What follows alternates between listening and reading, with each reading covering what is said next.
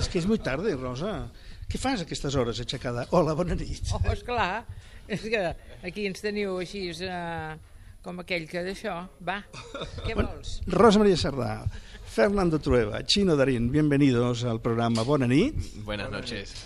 Bona nit, bona nit. Oh, i, és fantàstica la Sardà, eh? Ningú diria que està actuant. És, és la naturalitat perfecta, eh?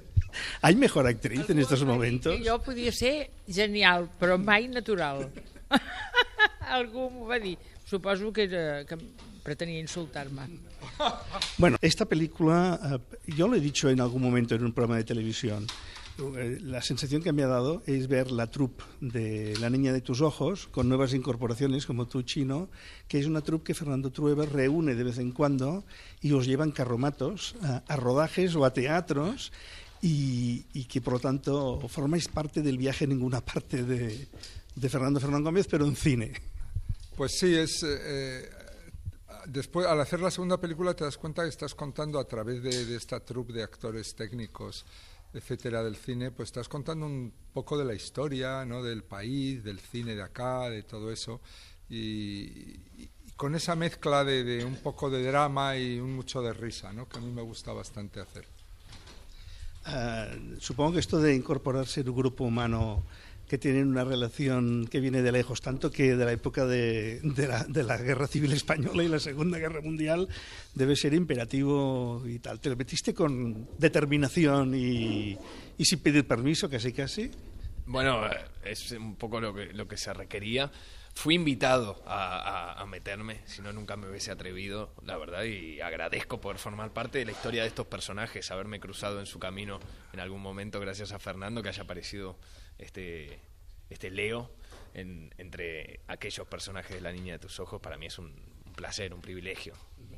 A, a mí me hace gracia porque, así como Penélope Cruz en la primera película venía a ser un alter ego de Imperio Argentina y cuando fue a vivir y a rodar en Alemania, aquí vuelve de Estados Unidos y casi podría ser Sofía Loren. Más. O sea, si Sofía Loren fuera española, sería la Sofía Loren que venía a rodar Orgullo y Prejuicio y después el Cid y después la caída del Imperio Romano. O sea que son eh, personajes eh, que responden a, pero tratados con una enorme libertad. Es decir, no hay tampoco un intento de que todo sea fiel al pie de la letra, ni a la historia anterior, ni... ni, ni- Bueno, sobre todo lo que hace Penélope es Macarena Granada, ¿sabes? O sea, que es verdad que esa Macarena de la Reina de España puede a lo mejor eh, tener una gotita de, esa, de Sofía Loren, puede ser. En el caso de La Niña de tus Ojos, lo de Imperio Argentina, salvo que, eh, que- rodó en Alemania y, hizo Carmen la de Triana y nosotros hacemos como una referencia en aquella película, en realidad era muy diferente porque Imperio Argentina era una gran estrella cuando fue a la Alemania de Hitler y Macarena era un- una actriz que está empezando, una chica jovencita, desconocida, o sea que no tenía ninguna de las cosas de la estrella. Ahora es que es una estrella Macarena, en La Reina de España es una estrella.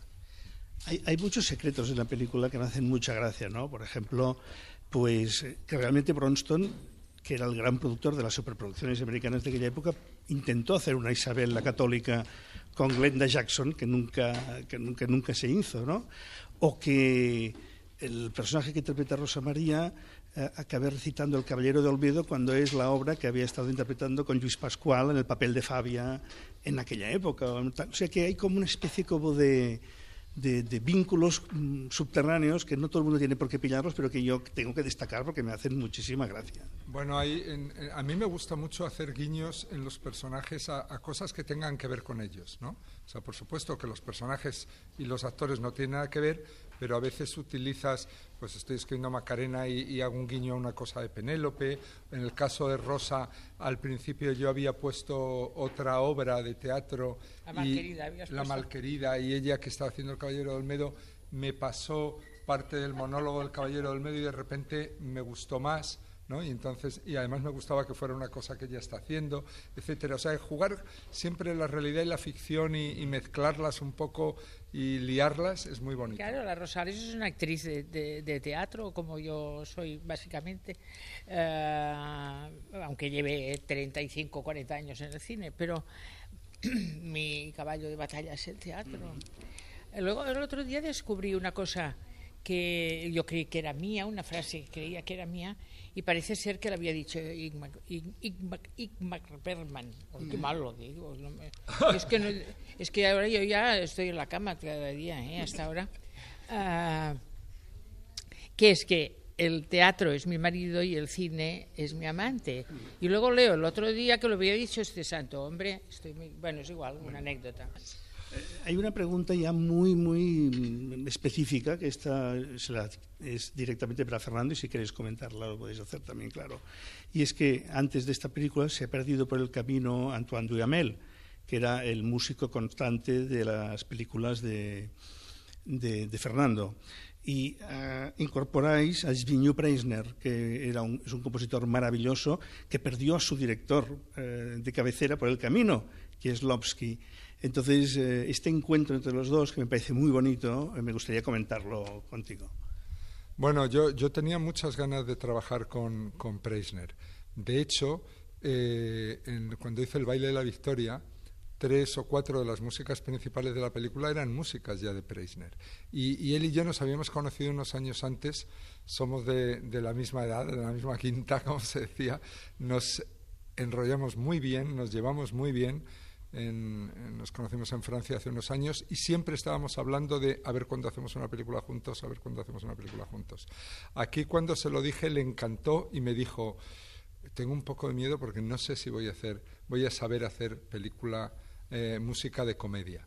Y le dije, sí vas a saber hacer música de comedia. Y cuando estábamos ya grabando la, banda sonora en Varsovia con la Orquesta Nacional de allí, eh, cuando se grabó la música que va cuando eh, Rosales, Rosa le dice a, a, Boabdil, ¿no? la famosa frase de no llores como mujer, llora como mujer y tal, la música que hay ahí, que es una maravilla, me volví a Preisner y le dije, esto es música de comedia. Esto está sonando, esto es música de comedia. Y luego además hay que, como anécdota, eh, yo buscaba para el principio de la película que se ve como que el personaje de Macarena se casa con un director de Hollywood y se divorcia de él y está rodando con él, y yo lo imaginaba como un Otto Preminger, ¿no? como un director de aquellos imponente, eh, centroeuropeo y tal. Y estaba pensando, a ver, ¿quién, quién podría hacerme este, este aparición, este cameo, encarnar ese físico de, este director a lo Preminger, y de repente dije, Preisner, ¿no? Entonces, eh, él me dijo, bueno, y que no esto nunca, ¿qué tengo que hacer? Digo, mira, vienes a Budapest, te casas con Penélope y te vuelves. Y dijo, bueno, voy para allá. Es una respuesta digna de Preminger, por cierto, en el rodaje de sus películas queda claro. Bueno, para acabar, eh, verdaderamente, más allá de La Niña de tus Ojos y ahora La Reina de España, recordando dos títulos de la carrera de Fernando. Uno era Belle Époque, que es un título que evoca la película, pero Belle Époque, ¿no? O El Año de las Luces, eran dos películas del pasado, ¿no? El Año de las Luces. Eh, de repente son dos películas que parece que acompañan bien también todo este trayecto que de La Niña de tus Ojos a La Reina de España eh, habéis planteado, con lo cual hay como una especie de unidad, ¿no? que no deja de ser el señor director, claro, su personalidad. Pues sí, es como un ciclo dentro de lo que yo he hecho de mis películas.